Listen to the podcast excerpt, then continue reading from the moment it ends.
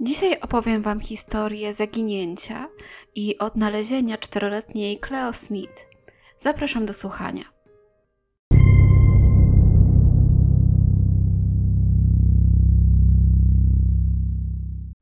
Cleo Smith była pełną życia i wesołą czterolatką.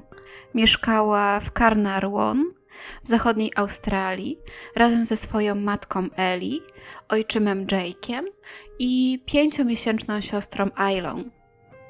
15 października 2021 roku rodzina pojechała na kemping. Były to ich pierwsze wspólne wakacje. Kemping oddalony był o jakieś 80 km od ich domu i był lokalną atrakcją na wybrzeżu koralowym. Miejsce to znane jest z wietrznej scenerii oceanu, morskich jaskiń, a także licznych lagun. Jest to po prostu bardzo piękne miejsce, wręcz jak z jakiegoś snu czy raju. Jest to również miejsce pełne ścieżek, co było bardzo ważne, ponieważ rodzina planowała urządzać sobie wycieczki rowerowe. Na kemping dojechali około 18.30. Szybko rozbili namiot, rozpakowali się i już około godziny 20 Kleo poszła spać. Ich namiot podzielony był materiałową ścianką na dwie części. Tą ściankę oczywiście można było odchylić i przejść z jednego pomieszczenia do drugiego wewnątrz namiotu, ale także do obydwu części prowadziły dwa osobne wejścia od zewnątrz. Namiot otwierał się po prostu z dwóch stron. W jednej części namiotu spała Ellie i Jake, a w drugiej ich córki. Cleo leżała w śpiworze na dmuchanym materacu, a Ayla w łóżeczku turystycznym. Czteroletnia Cleo obudziła się około 1.30 w nocy i obudziła swoją matkę, aby poprosić ją o wodę. Po tym jak się napiła, poszła dalej spać. Następnego ranka, około godziny 6 rano, Eli obudziła się i bardzo szybko zorientowała się, że zamek do wejścia do ich namiotu od strony, w której spali rodzice, jest otwarty na jakieś 30-40 centymetrów. Natychmiast zauważyła również, że wejście do części dziewczynek jest praktycznie całkowicie otwarte, a Cleo nie ma w namiocie. Kobieta szybko obudziła swojego partnera. Zaczęli rozglądać się po okolicy i szukać Kleo. Podskórnie czuli jednak, że Kleo nigdy nie wyszłaby sama z namiotu. Mimo swojej pogodnej natury była dość nieśmiałą dziewczynką i bardzo bała się ciemności. Oczywiście, jak to bywa w tego rodzaju sytuacjach, nadzieja umiera ostatnia. Tak więc rodzice mieli nadzieję, że być może dziewczynka wyszła jednak sama z namiotu i jest gdzieś w pobliżu. Nigdzie jej jednak nie widzieli. Co więcej, zniknął także jej śpiwór. Rodzice szybko zorientowali się, że gdyby Cleo sama wyszła z namiotu i ciągnęłaby za sobą swój śpiwór, to byłyby na ziemi ślady tego ciągnięcia. Takich śladów jednak nigdzie nie było. Cleo została uprowadzona. Tutaj na pewno u części z Was pojawiło się w głowie pytanie: czy rodzice niczego nie słyszeli? Czy nie słyszeli, że ktoś najprawdopodobniej tuż spod ich nosa wykradł ich dziecko? Trzeba podkreślić, że była to dość głośna noc. Bardzo wiało, fale rozbijały się o brzeg, słychać było tłuczenie blach, z których zbudowane były pobliskie domki, a także szelest samego namiotu, w którym spali. Porywacz najprawdopodobniej najpierw zaczął otwierać zamek od wejścia, od strony namiotu, w której spali rodzice, i nawet tego nie usłyszeli. Eli podejrzewa, że tak powoli odpinał ten zamek, że było to wręcz bezszelestne. I w ten sam sposób musiał też otworzyć zamek od strony namiotu, w którym spały dziewczynki. Już o 6.23 o zaginięciu małej Cleo została poinformowana policja. Samochód policyjny został wysłany 7 minut po rozmowie telefonicznej i przybył na kemping około godziny 7.10. Już 50 minut później na kemping przyjechała rodzina i przyjaciele rodziców Cleo. Wszyscy chcieli pomóc w poszukiwaniach dziewczynki. Pewna grupa policjantów przeszukała też szybko dom, w którym mieszkała rodzina, aby upewnić się, że dziewczynki w nim nie ma. Następnie udali się na drogę, która prowadziła do kempingu i zaczęli zatrzymywać wszystkie samochody, które do niego wjeżdżały i wyjeżdżały. Wszystkie osoby, które wjeżdżały i wyjeżdżały z tego terenu, musiały podać policji swoje nazwiska i adresy, a także spisywano ich numery rejestracyjne samochodów. Policja przeszukiwała również same samochody. Na miejsce bardzo szybko został wezwany również helikopter, który rozpoczął poszukiwania z powietrza. Na kemping bardzo szybko przyjeżdża mnóstwo zastępów policji. Zjawiają się tam również zupełnie obcy ludzie, ochotnicy, którzy również chcą pomóc w poszukiwaniu małej Cleo. Już kilka godzin po tym, jak dziewczynka zaginęła, na miejscu jest mnóstwo zaangażowanych osób, które centymetr po centymetrze przeszukują cały obszar. Pojawiają się również pierwsze wskazówki, które mogą pomóc śledczym w poszukiwaniu dziewczynki. Ktoś słyszał, jak około trzeciej w nocy samochód odjeżdża z piskiem opon. Znaleziono również odcisk buta tuż obok obozowiska rodziny.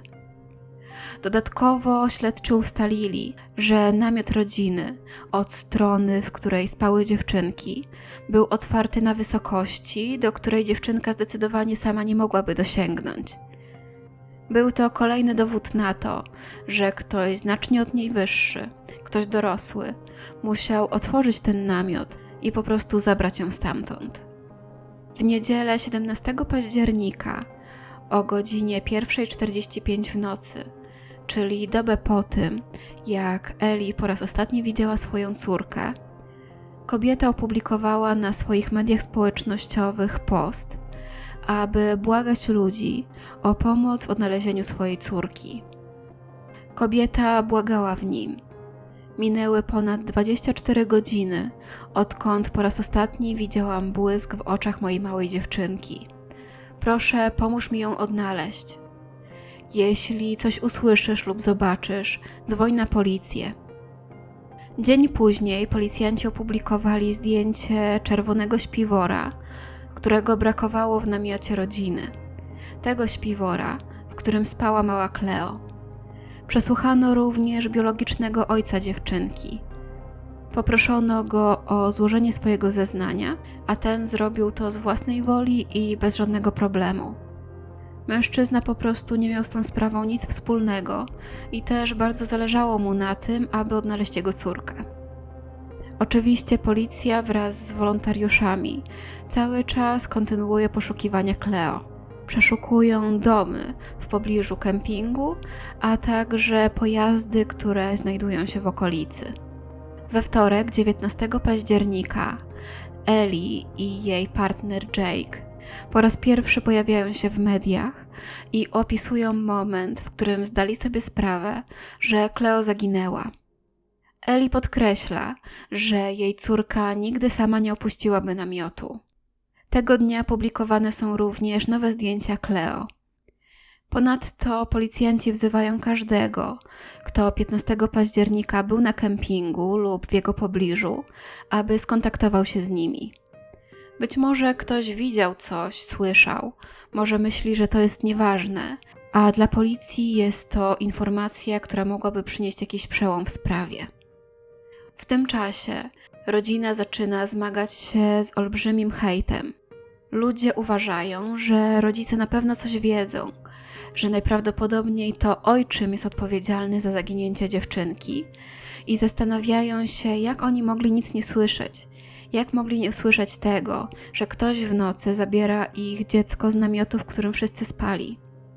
Nie muszę chyba podkreślać, jak źle musiało to wpływać na psychikę rodziny.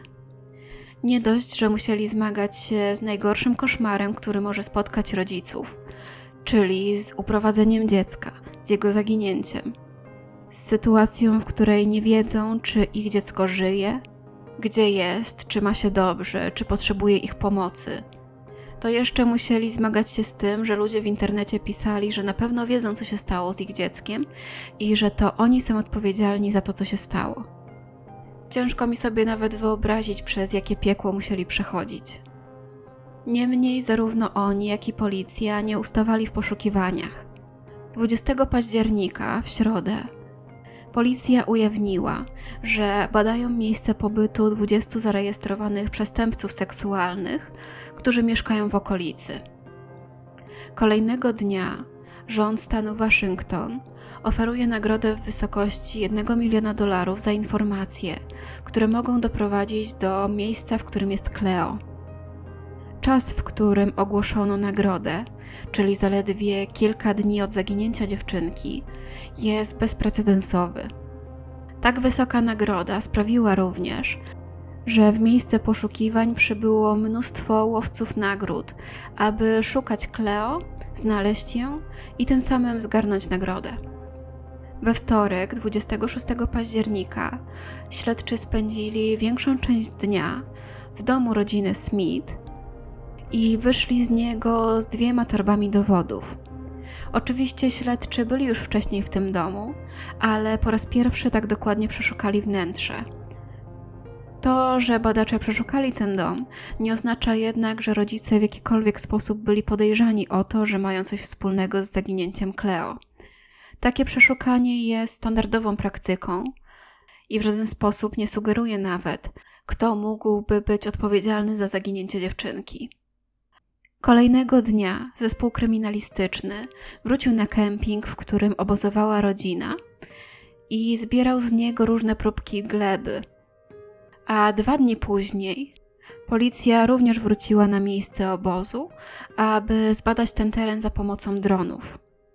Poszukiwania Cleo przestają mieć również wymiar jedynie lokalny. Zaczynają mieć skalę krajową, a nawet międzynarodową.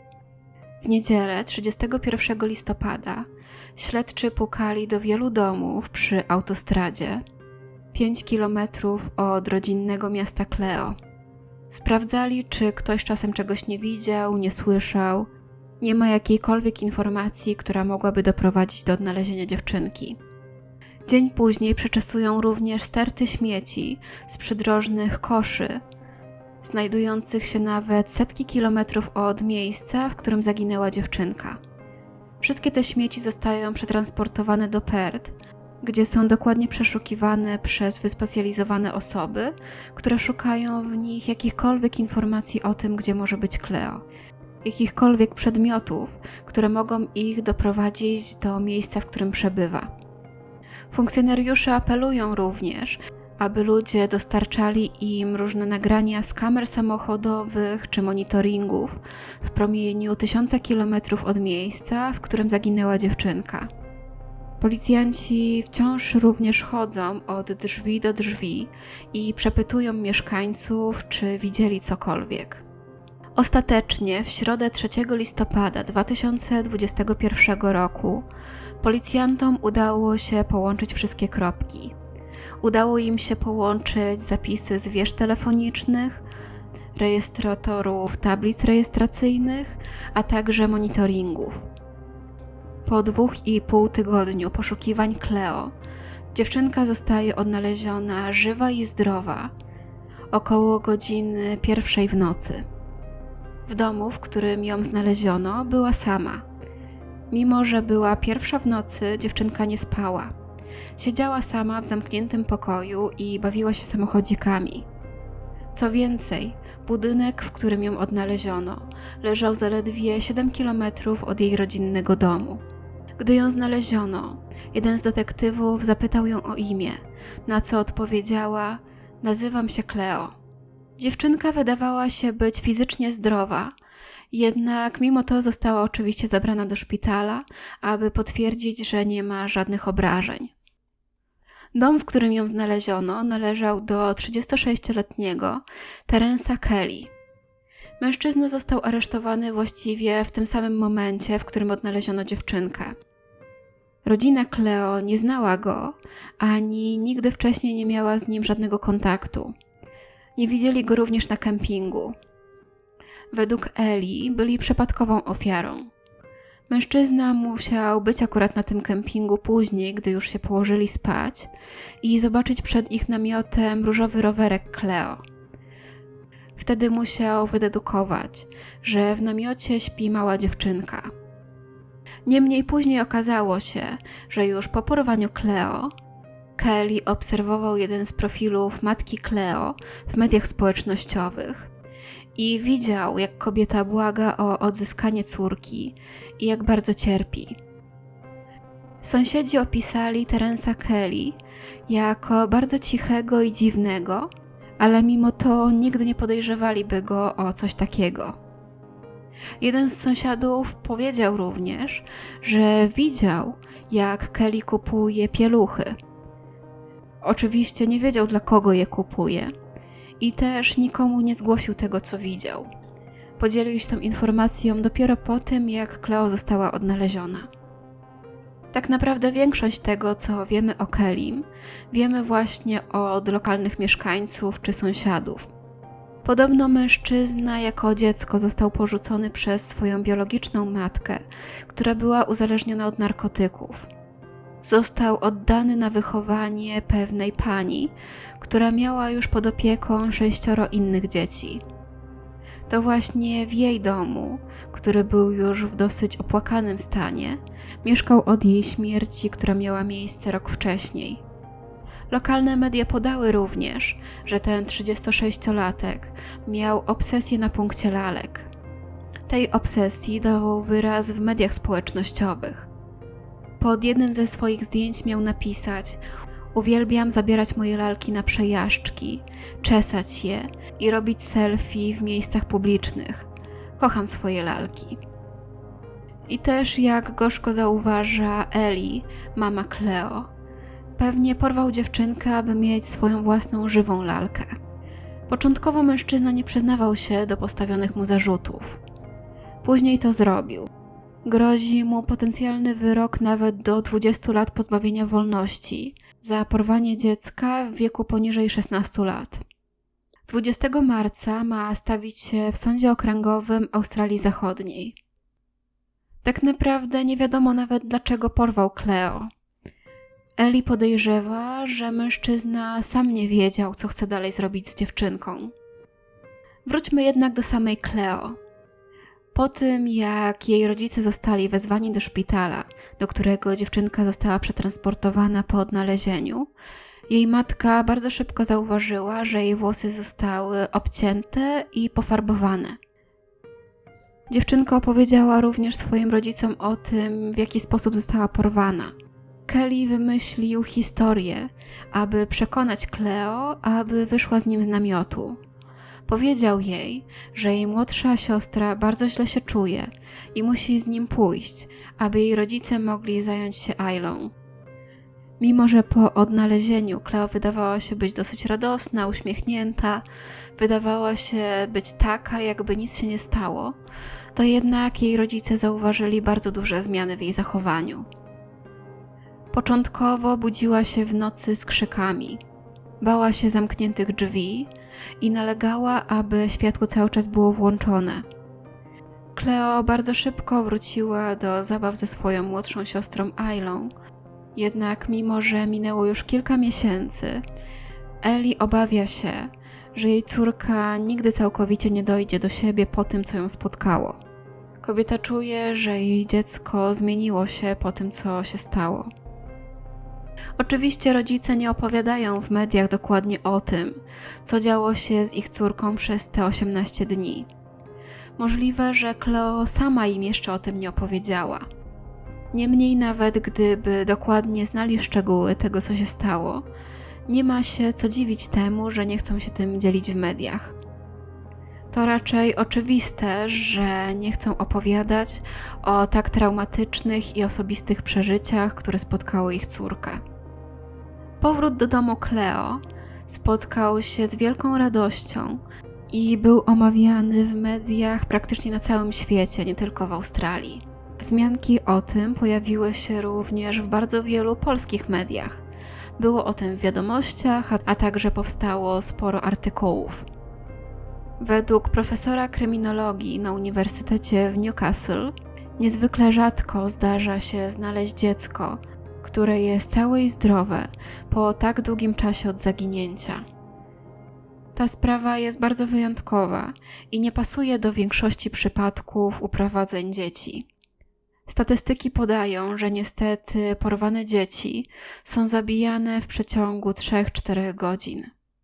Ostatnio w mediach pojawiły się informacje, że Cleo w rozmowach wspominała o jakiejś tajemniczej kobiecie, która miała się nią zajmować podczas gdy była porwana. Nie wiadomo jednak, kim była ta osoba.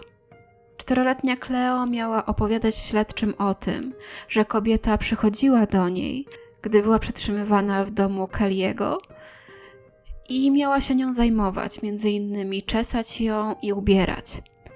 Śledczy próbują teraz ustalić, kim mogła być ta kobieta. Zaapelowali również do świadków, którzy spotykali się z Terencem Kelly lub widzieli go w czasie, gdy przetrzymywał Cleo, lub może mają jakiekolwiek inne informacje, aby się do nich zgłosili. Zdaniem policji każda informacja może pomóc ustalić, kim była ta tajemnicza kobieta, o której opowiadała Cleo. I na dzisiaj to już wszystko. Bardzo się cieszę, że mogłam Wam przekazać jakąś sprawę, która ma happy end. Oczywiście w swojej naiwności mogę mieć nadzieję, że żadne porwania dzieci nie będą już miały miejsca, ale oczywiście będą miały. Dlatego też mogę jedynie trzymać kciuki i modlić się o to, aby wszystkie miały tak pozytywny finał jak sprawa Cleo. Oczywiście ciężko bagatelizować to, co spotkało tą dziewczynkę. Czterolatka zabrana w obce miejsce przez obcego mężczyznę, z dala od jej rodziców, nie wiedząc, co się dzieje. Już nie mówiąc o tym, co ten mężczyzna mógł jej robić. To musiała być dla niej olbrzymia trauma.